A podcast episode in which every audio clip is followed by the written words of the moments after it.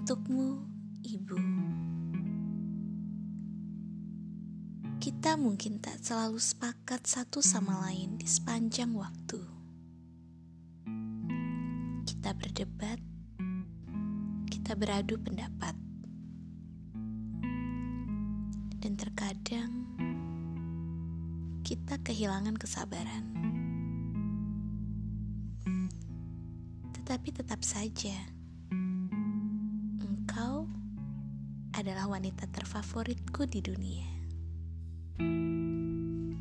Engkau adalah ibuku, saudara perempuanku, dan sahabatku. Ibu selalu tahu di mana menemukan bagian diriku yang hilang. Di saat aku tersesat dan tak tahu arah pulang. Jadi ketika aku lupa bagaimana caranya mencintai diriku sendiri, aku menemukan diriku dalam pelukanmu.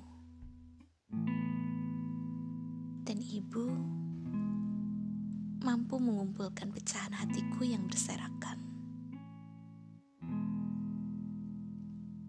Terima kasih, Bu, karena selalu ada untukku di setiap pasang surut hidupku untuk tetap berdiri di sampingku di setiap suka dan dukaku. Ada satu hal yang aku ingin ibu tahu. Aku hanya akan berhenti mencintaimu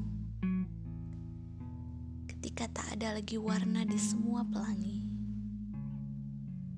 Di hari ke-30 di bulan Februari.